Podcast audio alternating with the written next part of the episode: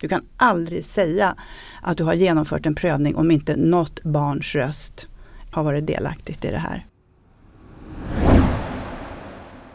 Du lyssnar på Socialtjänstpodden. Idag pratar vi om vad som händer när barnkonventionen blir lag. Vem är jag till för som socialarbetare? Står jag på den svaga sida? Står jag på maktens sida?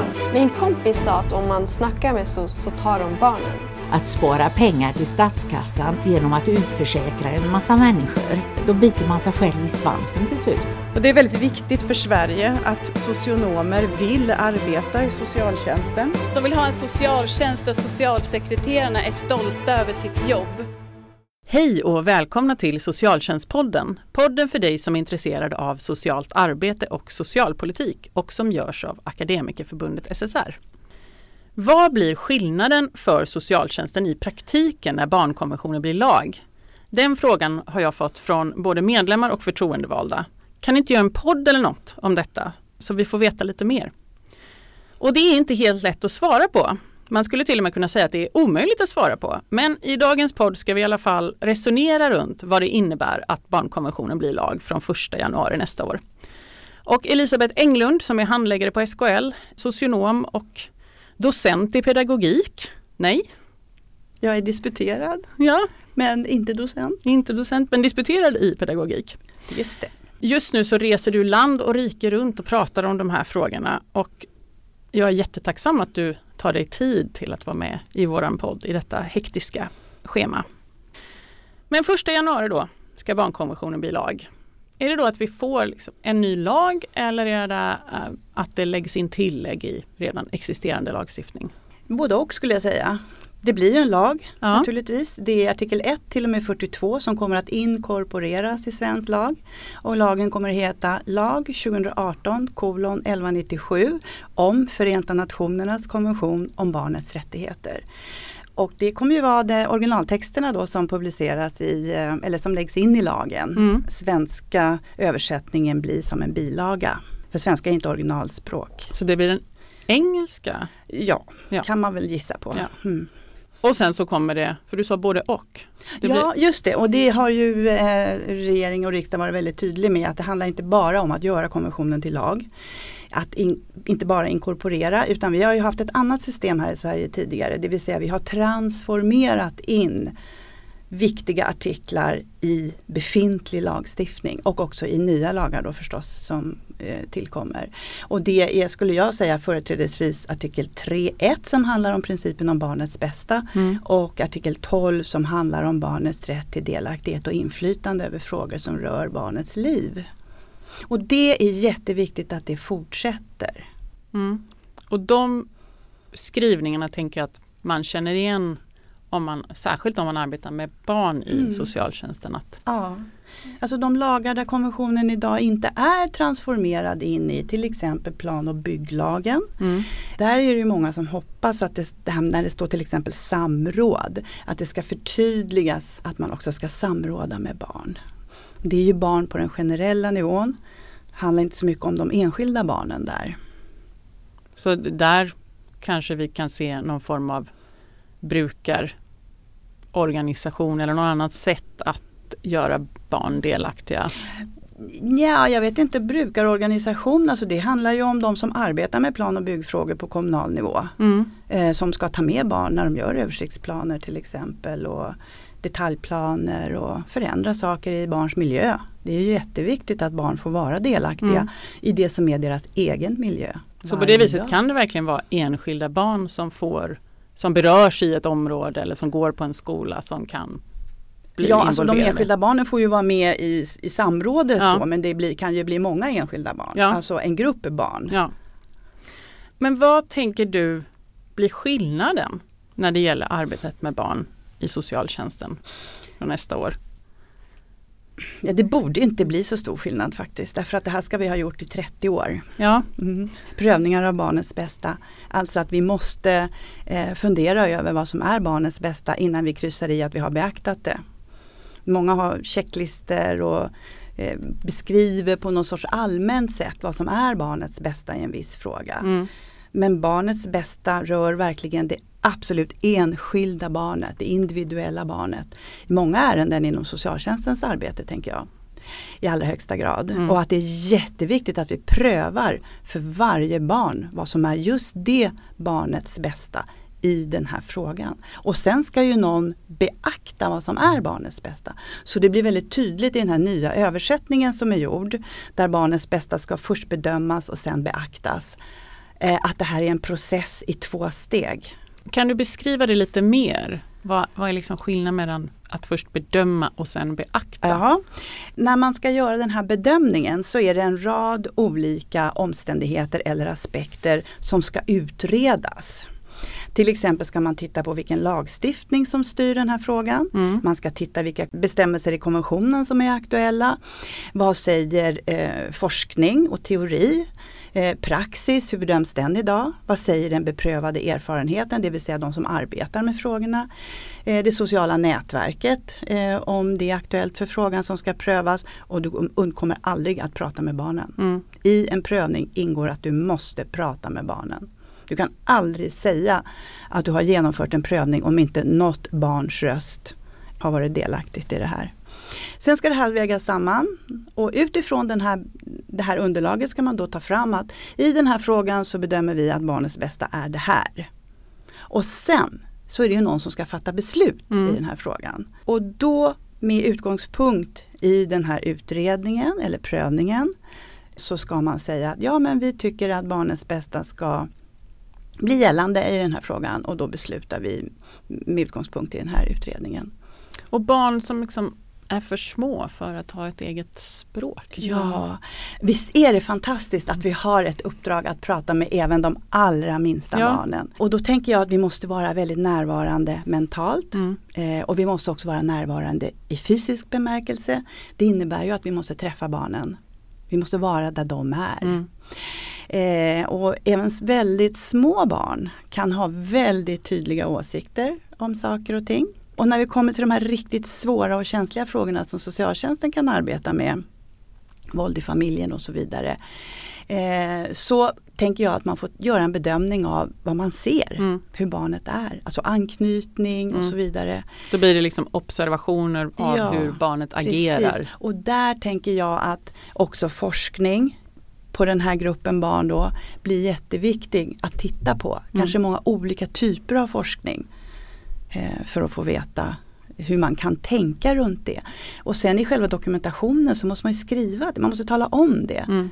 Vad man har sett och Vad hur man man knyter sett. an det till Ja, och med forskning. utgångspunkt i det man har sett så eh, tänker vi så här. Mm. Eh, jag har uppfattat att det finns en viss stress hos socialsekreterare i att man, man inte vet vad, hur förväntas jag praktiskt förändra mitt arbete eh, från årsskiftet. Och jag tänker socialtjänsten är väldigt många olika delområden. Ja, Så att det blir lite olika beroende på eh, vem, vilken socialtjänstperson jag är. ja, Vilka arbetsuppgifter jag har. Jag har fått mycket frågor till mig från människor som arbetar med, med ekonomiskt bistånd. mm, Eh, hur ska jag prata med barn? Jag kan inte prata med barn idag.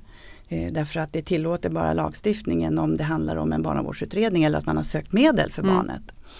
Eh, och eh, då tänker jag att det kanske blir en sån fråga som måste prövas. Eh, prövas i en domstol så att man får ett vägledande beslut på det. ja. För föräldrarätten är väldigt stark i Sverige. Så det skulle vara då att ifall att pröva om en förälder säger nej du får inte prata med Ja, mitt barn. ja. Ehm, och att på, Mm, man på något mm. sätt driver det. Mm. Mm. Men jag tänker att det, vi, det görs väldigt mycket bra saker idag redan. Mm. Och väldigt många som arbetar eh, inom alla olika verksam, verksamhetsområden som finns i offentlig sektor i Sverige gör ju så mycket enligt barnkonventionen redan. Så ta reda på vad det är som görs.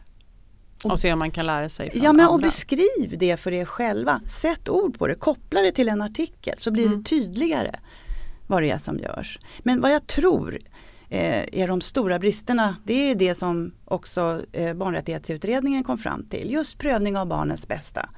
Där kom ju utredningen fram till att eh, många som ska dokumentera det beskriver det att det är någon, grundat i någon sorts allmän eh, tanke om vad som är barnets bästa i Mm. just den här frågan. Vi måste utreda det för varje barn.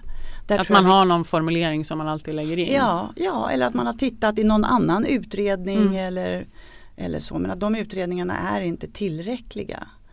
Och många har ju så här checklister med där det står så här, har barnets bästa beaktats? Ja. ja.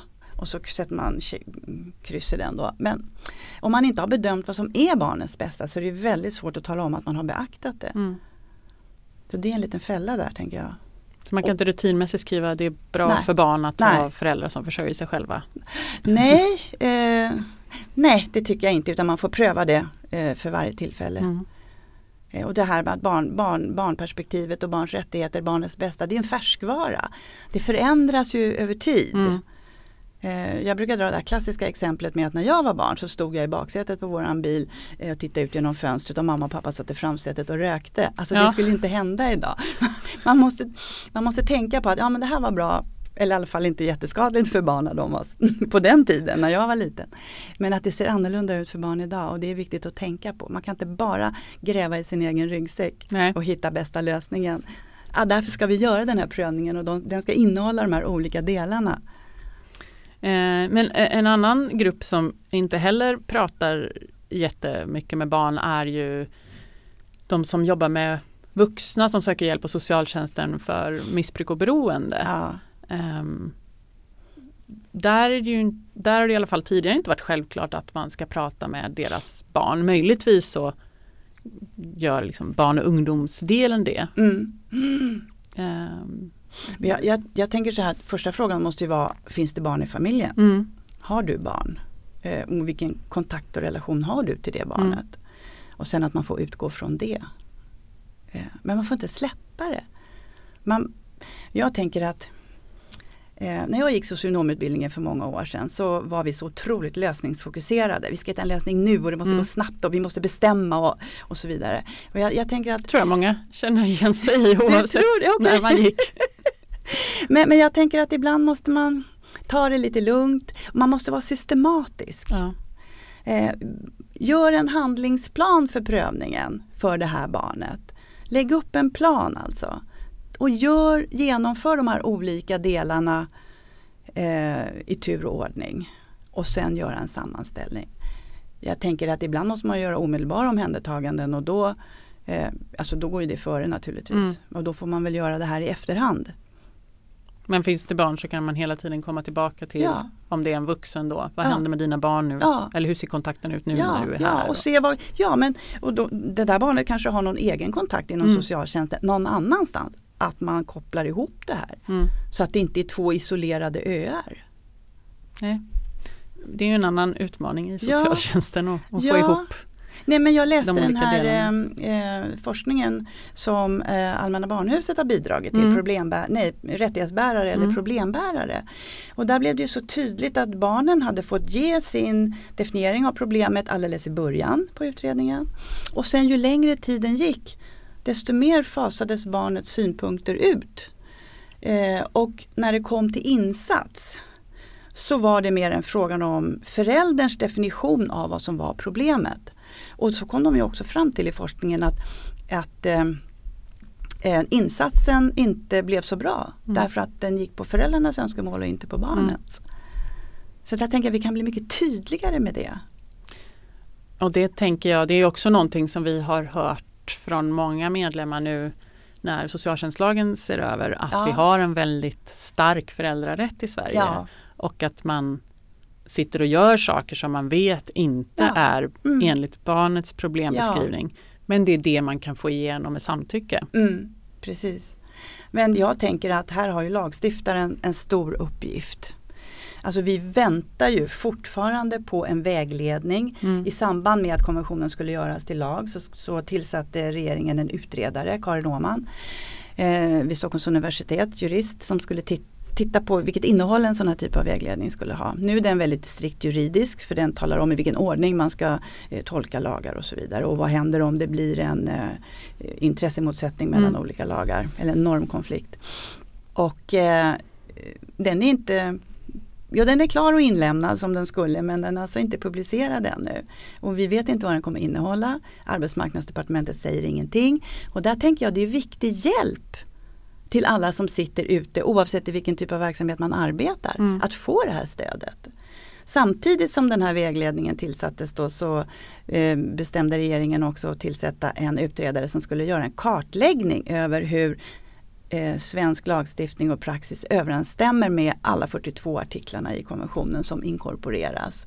Den skulle lämnas in nu den 15 november och de har fått ett års eh, respit. Så att det blir 15 november 2020. Eh, och där tänker jag att det kommer bli som en ny nationalencyklopedi. Så jag, menar, jag tror att man kommer kunna använda den Ja. för att se.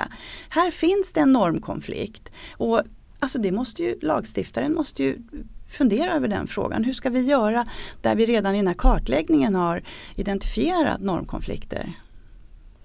Så förhoppningsvis så finns det någon vägledning första januari. Eh, men annars så vet vi att vi kommer vänta, få vänta på det På kartläggningen? kartläggningen. Ja, i ett år till. ja, ja. Och under tiden tycker jag det är jätteviktigt att vi pratar om frågan. Mm. På jobbet, mm, med sina, alltså på så här APT, eh, och där chefen också ska vara involverad tänker Mm. jag att det är jätteviktigt att det finns eh, en chef som man kan prata med i svåra, om svåra saker. Men sen så har vi ju det att socialtjänsten utgår ju egentligen, där ligger ju alla beslut på nämnden och sen delegerar nämnden besluten till tjänstemännen. Eh, ja. Men många beslut kan ju inte delegeras. Nej. Eh, så det är ju, det låter ju också som att det är eh, en politisk fråga att ha den här diskussionen levande. Mm. Absolut. Och där har vi satsat på eh, på olika platser i Sverige har vi satsat på att ge förtroendevalda utbildning om Mm. barnens rättigheter. I Region Värmland till exempel har de utbildat eh, 77 politiker en fyra dagars utbildning eller tre och en halv dag eh, om barnens rättigheter. Så att eh, jag kan inte säga hur mycket de är på tå så men jag vet att eh, den här utbildningen var väldigt uppskattad. Mm. Eh, i, nu ska vi se, i onsdags så hade vi en utbildning om prövning av barnets bästa tillsammans med eh, nio kommuner i ett regionalt nätverk här i Stockholmstrakten.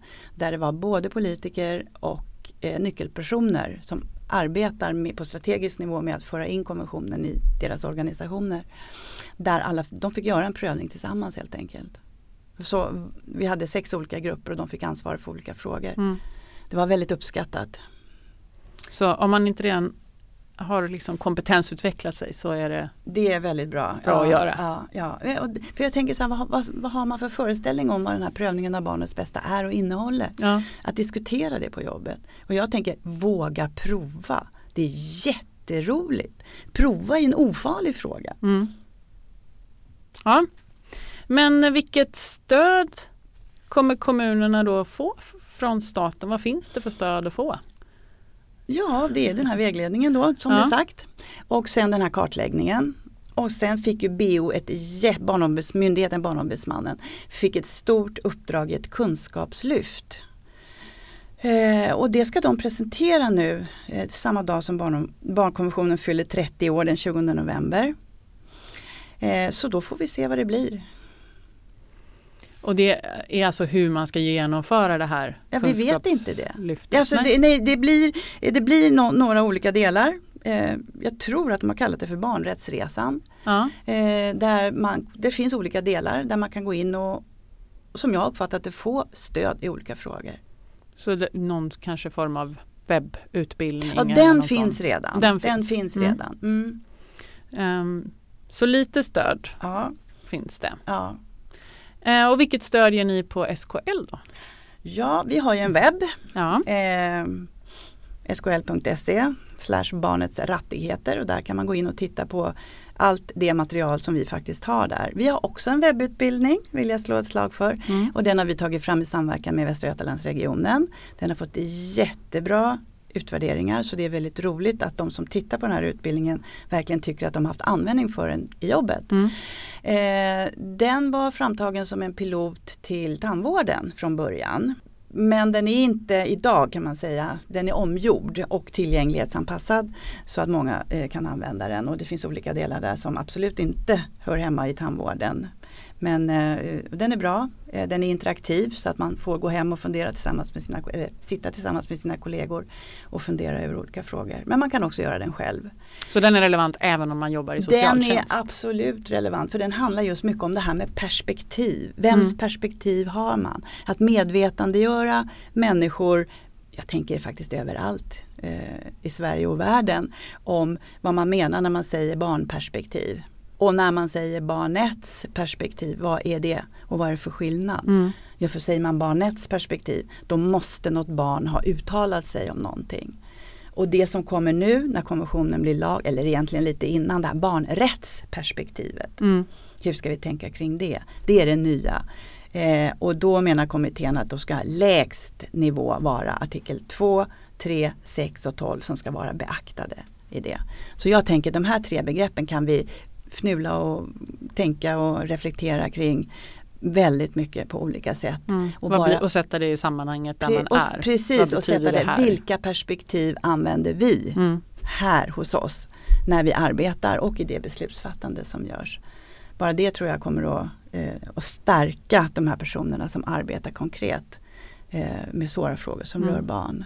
Eh, ja, det, den här film, webbutbildningen, sen har vi spelat in nio filmer där jag och en kollega pratar väldigt kort om de här sakerna som vi har pratat om här nu. Eh, och det finns också frågor till det. De är textade och det finns PowerPoint-presentation till som man kan använda om man vill prata vidare med någon annan. Eh, det finns med talarmanus. Sen har vi jättemycket PowerPoint-presentationer som är framtagna tematiskt. Alltså inte utifrån eh, det här är för socialtjänsten och det här är för skola och förskola och så utan man får välja det temat man tycker eh, passar. Om man vill prata lite historik eller om man vill prata grundprinciper och så vidare.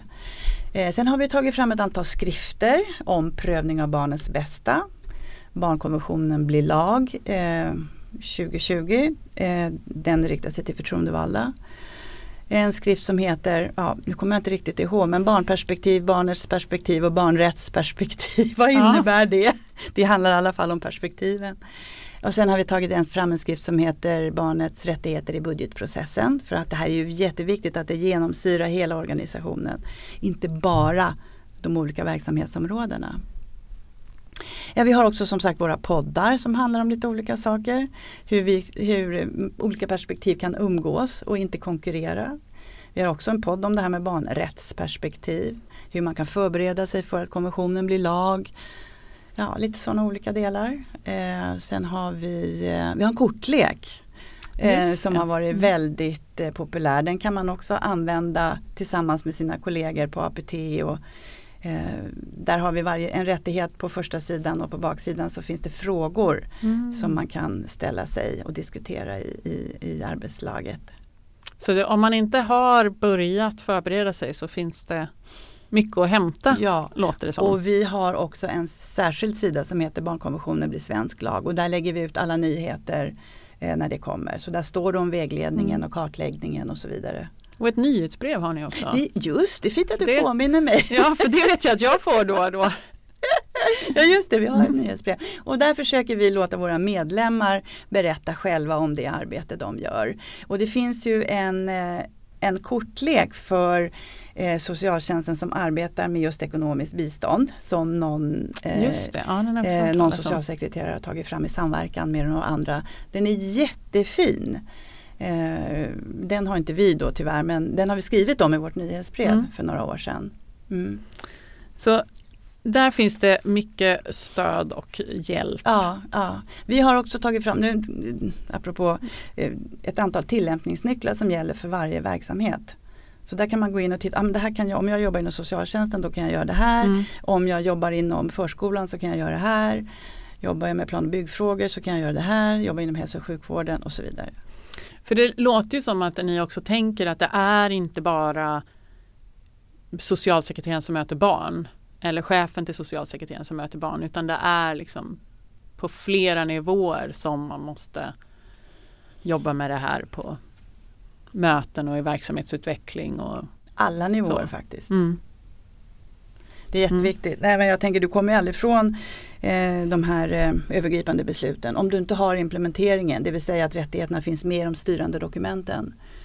då spelar det ingen roll hur mycket du kan om barnens rättigheter. Nej. Du kommer inte få genomslag för det i alla fall. Och samma sak tvärtom. Eh, om det finns jättemycket implementering och ingen kunskap om vilka rättigheter barn har. Då, ja, då vet du inte vad du ska tillämpa. Liksom. Nej. Nej.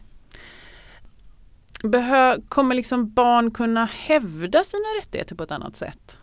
Nej, det var ju den här möjligheten till, FN, till, FN, eh, till FNs barnrättskommitté då. Men Ja. Sverige har inte antagit det här tredje tilläggsprotokollet än. TP3 som det kallas i förkortning då.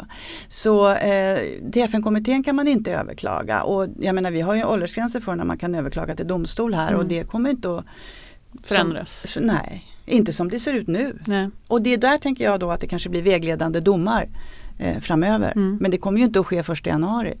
Nej, det är först då det kan börja ske. Precis. Ja. Ehm, Men det låter också som att det kan finnas behov, eh, eller det troliga att det finns behov av att också testa vad betyder det här för att få vägledande Mm. ehm, beslut Ja, eh, av domstolarna. ja, och där tror jag en sån sak kommer bli eh, föräldrarätten versus barnrätten Mm. faktiskt. Och det är ju också intressant hur, hur domstolarna förbereder sig på Mm. den här förändringen Ja, som ska tillämpa. och det är Eller utanför mitt kunskapsområde. Ja, det, det får vi se helt det får enkelt. vi se helt enkelt. Ja.